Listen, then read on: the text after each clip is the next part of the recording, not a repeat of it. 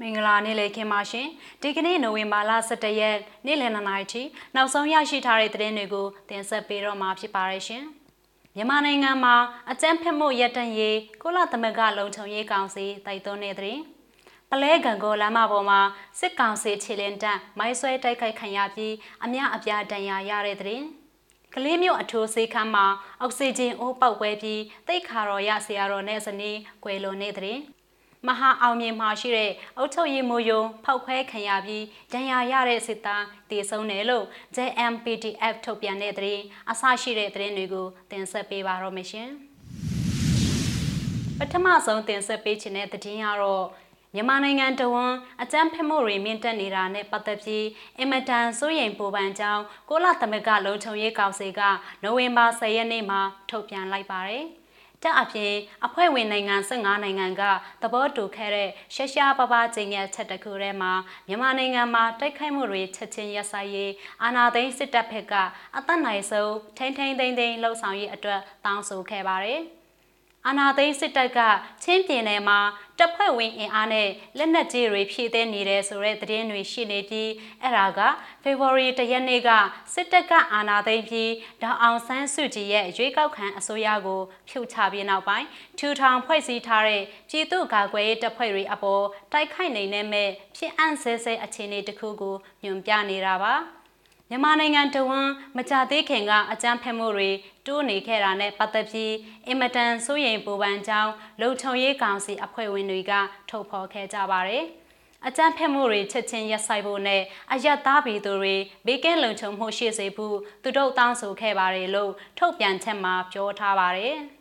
ချင်းပြည်နယ်ရှိအခြေအနေနဲ့ပတ်သက်ပြီးမြန်မာအာဏာသိမ်းစစ်ကောင်စီကမှတ်ချက်ပေးထားတာမရှိသေးပဲအဲ့ပြည်နယ်ဟာစစ်တပ်ပိုင်အုပ်ချုပ်မှုကိုခုခံတော်လှန်တဲ့ရှေ့တန်းနေရာတစ်ခုဖြစ်လာခဲ့တဲ့မတည်ငြိမ်တဲ့နယ်စပ်ဒေသတစ်ခုဖြစ်ပါတယ်။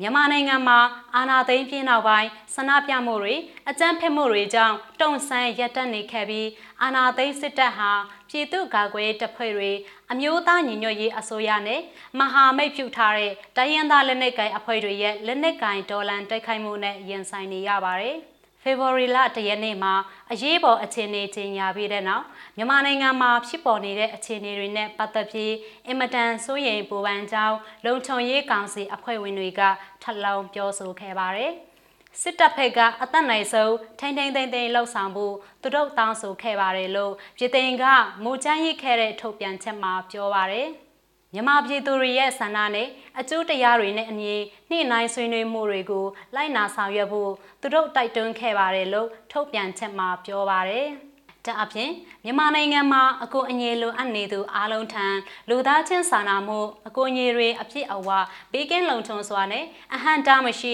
ရောက်ရှိစေရေးနဲ့လူသားချင်းစာနာမှုဆိုင်ရာနဲ့စေဘက်ဆိုင်ရာအမှုထမ်းတွေရဲ့ဘေးကင်းလုံခြုံရေးအတွက်လည်းလုံခြုံရေးကောင်စီကတောင်းဆိုခဲ့ပါတယ်။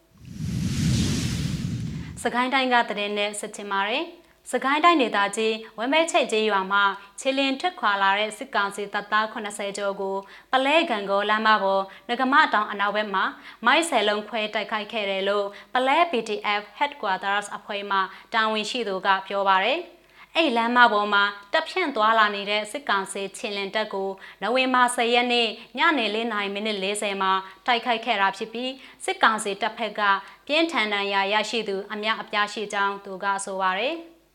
အရင်နေ့ကဝမ်ဘဲချိတ်မှာတဆွဲထားတဲ့စစ်ကောင်စီတပ်သား80ကျော်ကငကမတောင်အနောက်ဘက်ကိုထွက်လာတဲ့အချိန်ပေါ့ သူတို့ကတပ်ဖြန့်ပြီးထွက်လာတာဘာလို့လဲဆိုတော့အရင်ရက်ကသူတို့အုပ်လိုက်ကြီးမိုင်းဆွဲခံလိုက်ရတယ်လေသူတို့ကအတန်းလိုက်ကြီးရှောက်လာကြတာအဲ့ချိန်မှာမိုက်ကွင်းထဲဝင်တော့ပလဲပြည်သူကာကွယ်တပ်ဖွဲ့ဌာနချုပ်အဖွဲ့ဝင်ပေါင်တောင်တိုက်အဖွဲ့လက်ခွဲသစ်ကမိုက်ဆယ်လုံးခွဲပြီးတိုက်ခိုက်ခဲ့တယ်25ရောက်လောက်ကစိုးစိုးရွရွတန်ရာရရှိသွားတယ်လို့ပလဲ PDF Headquarters အဖွဲ့မှတာဝန်ရှိသူကပြောပါတယ်။ အဆိုပါတိုက်ခိုက်မှုမှာစစ်ကောင်စီတပ်ဖက်ကပြန်လည်ပစ်ခတ်ခဲ့ပေမဲ့လည်းပလဲ BTF Headquarters တပ်ဖွဲ့ဝင်တွေကအာဏာရေးကင်းစွာဆုတ်ခွာနိုင်ခဲ့ကြောင်းသိရပါတယ်။သူတို့ကမိုက်ကွဲတန်ကြားလို့ဆင်းရှာကြတာမိုက်တန်ကကျိုးချင်းညစ်ပြီးကွဲသွားတာအဲ့ဒါကိုအဲ့ကောင်တွေကကြားပြီးဆင်းရှာတာသူတို့ဆင်းလာတော့တကွင်းထဲရောက်တဲ့အချိန်မှာဆွဲလိုက်တာလို့ပလဲ BTF Headquarters အဖွဲ့မှ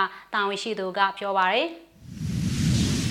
ကလေးမျိုးကသတင်းကိုလည်းတင်ဆက်ပေးပါမယ်။စကိုင်းတိုင်းဒေသကြီးကလေးမြို့တာဟန်ရက်ကွက်မှာရှိတဲ့ဘက်တနေအထူးဆေးခန်းမှာအောက်ဆီဂျင်အိုးမတော်တဆပောက်ကွဲခဲ့တဲ့အတွက်တိတ်ခါတော်ရဆရာတော်နဲ့ဇနီးကွယ်လွန်ပြီးအနည်းရှိလူတအိုးမှာပြင်းထန်ဒဏ်ရာရရှိသွားကြောင်းဒေသခံတွေစီကသိရပါဗျ။တည်ဆုံးသွားသူတွေမှာ AMC ဖျားเจ้าမှာ တာဝန်ထမ်းဆောင်နေတဲ့ Reverend Dr. Laldoma 58နှစ်နဲ့ဇနီးဖြစ်သူပြီး Rosiami 65နှစ်တို့ဖြစ်ပြီးမနေ့ကနိုဝင်ဘာ10ရက်နေ့ည8နာရီဝန်းကျင်မှာပောက်ကွဲမှုဖြစ်ပွားခဲ့တာဖြစ်ပါတယ်။ခါတိုင်းဒီအချိန်လောက်ဆိုဘုံပေါက်တာတွေဖြစ်တတ်တော့ဘုံပေါက်တာလား transformer ပေါက်တာလားတော့ပဲထင်မိတယ်။နောက်မှဆေးရုံကအောက်ဆီဂျင်အိုးပုံမှန်သေးရတယ်လို့ဒေတာခန်တအိုးကပြောပါရယ်။ အောက်ဆီဂျင်အိုးပေါက်ကွဲမှုအဖြစ်တန်ဟန်ရက်ကွက်နဲ့စားမျိုးတွေမှာအချိန်ခဏကြာမေးပြတ်တောက်သွားခဲ့ပါသေးတယ်။ နောက်ဆုံးသတင်းအနေနဲ့မန္တလေးမြို့ကသတင်းကိုတင်ဆက်ပေးချင်ပါတယ်။မန္တလေးမြို့မဟာအောင်မြေမြို့နယ်အောင်ချမ်းအေးရက်ကွက်36လမ်းလမ်း80နဲ့80လမ်းကြားမှာရှိတဲ့မဟာနွယ်စင်ရက်ကွက်အုပ်ချုပ်ရေးမှူးရုံးကိုမနေ့ကနိုဝင်ဘာ10ရက်ညနေ6နာရီဝန်းကျင်ကဘုံဖောက်ခွဲခဲ့ရမှာအပြင်းအထန်တန်ရာရခဲ့တဲ့အိစစ်သားကိုအရေးပေါ်ကားနဲ့ခေါ်ဆောင်သွားပြီးသူဟာမနေ့ညပိုင်းကတည်ဆုံသွားကြောင်းလည်းအဲ့အဖွဲ့ကဆိုပါတယ်။ ပောက်ကွဲမှုဖြစ်ပွားခဲ့တဲ့အတွက်စစ်ကောင်စီလက်နက်ကိုင်ဖက်ကအဲ့ရက်ကွက်အတွင်းတနတ်နဲ့ပစ်ခတ်မှုတွေရှိခဲ့ပြီးအယက်သားတူထိခိုက်မှုရှိထားကြောင်းသတင်းထွက်နေပြီးတော့အဲ့ကိစ္စနဲ့ပတ်သက်ပြီးသူတို့အဖွဲ့ကအထူးစိတ်မကောင်းဖြစ်ရကြောင်းလည်းသတင်းထုတ်ပြန်ချက်မှာပါရှိပါတယ်